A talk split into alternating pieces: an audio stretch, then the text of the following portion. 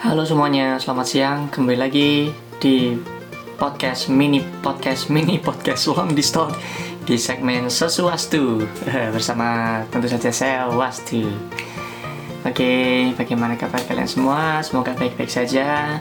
Semoga sehat selalu. Bagi yang sedang sakit atau kurang bugar, semoga cepat fit kembali. Oke. Nah, akhir-akhir ini seru-serunya ada BTS Meal ya kebetulan saya bukan atau belum belum K-popers ya belum tapi saya sudah nonton beberapa drakor, saya sudah dengerin beberapa musik K-pop ya. Dari fenomena BTS Meal ini yang mengakibatkan keramaian di mana-mana hingga memaksa beberapa gerai fast food ya hmm, terpaksa ditutup karena keramaian. Dan ada juga fenomena Instastory yang isinya ungu semua gitu ya kemudian ada fenomena nah ini fenomena yang uh, selalu menjadi air dan minyak di media sosial ya yaitu yang pro sama yang kontra itu selalu.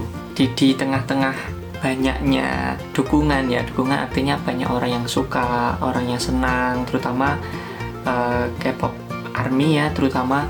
Tapi di tengah-tengah itu semua tuh ada ada yang menggelitik ya menggelitik saya yaitu komennya cukup panjang menggunakan huruf besar semua menggunakan huruf kapital semua caps lock gitu ya. Intinya bilang bahwa buat apa sih support dengan membeli seperti itu gitu kan? Kalian uh, fandom hanya dijadikan mesin uang bagi mereka. Dia geram sama orang-orang yang ngefansnya tuh berlebihan hingga harus memborong dan membeli BTS meal di mana bagi orang ini kalian itu hanya dijadikan mesin uang. Ya nih, ini yang membuat saya tergelitik dan ingin membahas. Hmm, kita tekankan pada mesin uang ya. Katakanlah dia nggak suka sama orang-orang yang dijadikan mesin uang oleh beberapa pihak ya. Dalam konteks BTS Mil mungkin industri K-pop memanfaatkan masyarakat Indonesia sebagian menjadikan fandom-fandomnya ini mesin uang gitu. Hey, Anda yang komentar seperti itu, coba deh perhatikan lagi. Ketika Anda bangun pagi, induk kamu tidur di mana? Di kasur kan? Kasur itu ada industrinya, men. Dan kamu membelinya. Ya, mungkin diwakili orang tua dulu. Kemudian kamu pakai bantal nggak? Pakai sarung bantal nggak? Pakai selimut nggak? Itu beli kan? Bagi industrinya. Kamu, kamu atau keluargamu mesin uang bagi mereka. Lagi, bangun-bangun mandi, terus mau mandi kan? Mau mandi, itu mulai dari sabun mandi, shampoo, sikat gigi, pasta gigi, apalagi sabun muka. Itu semua produknya industri kan. Anda juga di situ mesin uang bagi industri tersebut. Lagi, misalnya kamu udah mandi, terus mau pakai baju bagus, mau berangkat kuliah atau berangkat kerja gitu ya. Hei, ingat kembali bajunya, celana dalamnya, pakaian dalamnya, topi, aksesoris, jam, gelang, dan lain sebagainya. Itu juga industri, men. Lagi-lagi di situ kamu dan keluargamu jadi mesin uang. Terus sampai kegiatan, sampai kamu malam jajan sama teman-teman itu semua industri, men. Dan kamu mengeluarkan uang untuk hal itu.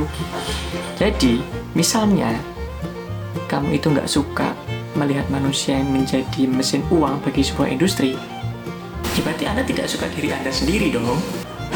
Kan gitu. Jadi mungkin komen Anda itu bukan masalah mesin uangnya, tetapi pemanfaatan uangnya ya kali ya mungkin pemanfaatan uangnya kenapa mesti dihabiskan untuk memborong BTS Meal yang mungkin menurut Anda itu kebutuhan tersier itu ya. Anda merasa uang-uang tersebut bisa dimanfaatkan ke dalam hal yang lebih baik. Lagi-lagi, hey, kan Anda juga punya uang. Coba evaluasi deh. Uang Anda itu dihabiskan untuk apa saja? Apa iya uang yang Anda lakukan, ya uang yang Anda habisin itu sudah semuanya menjadi hal-hal yang bermanfaat menurut Anda, ya kan? Karena ini sangat subjektif. Orang itu uh, punya preferensi yang berbeda-beda dalam menghabiskan atau memanfaatkan uang yang dia punya ya ada yang mau investasi, ada yang shopping, ada yang beramal, ada yang memenuhi kebutuhan sehari-hari, itu semua bermacam-macam. Tapi intinya adalah uang tersebut dimanfaatkan untuk kebahagiaan masing-masing.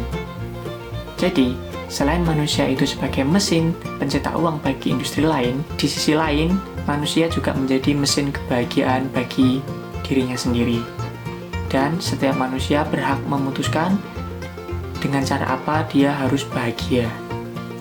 Nah, kalau misalkan ada orang yang memilih membahagiakan dirinya dengan membeli BTS meal, ya berarti sah-sah saja. Mungkin ada efek samping dari itu semua, misalnya keramaian, menimbulkan resiko penyebaran corona. Tapi kembali lagi, semua hal juga punya resiko. Tidak ada hal yang tidak ada resikonya. Coba mari kita sama-sama evaluasi deh.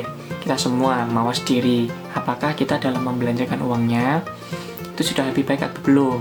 Kembali lagi, uh, poin yang ingin saya sampaikan adalah manusia berhak mendapatkan kebahagiaannya dalam konteks menghabiskan atau membelanjakan uang yang dia punya memang yang namanya manusia tidak ada yang sempurna pasti ada beberapa persen dari uang itu yang bisa dibilang kurang efektif dan kurang efisien yang di mana bisa ditabung malah buat jajan di mana bisa diamalkan malah buat hedon gitu tapi itu semua adalah proses masing-masing manusia kita sebagai orang lain yang melihat itu semua ya jangan menghujat dong jangan memarahi dong jika memang kamu ingin mengajak dia untuk lebih baik, caranya bukan menghujat, caranya bukan memarahi, ya kan? Berdakwahnya bukan seperti itu.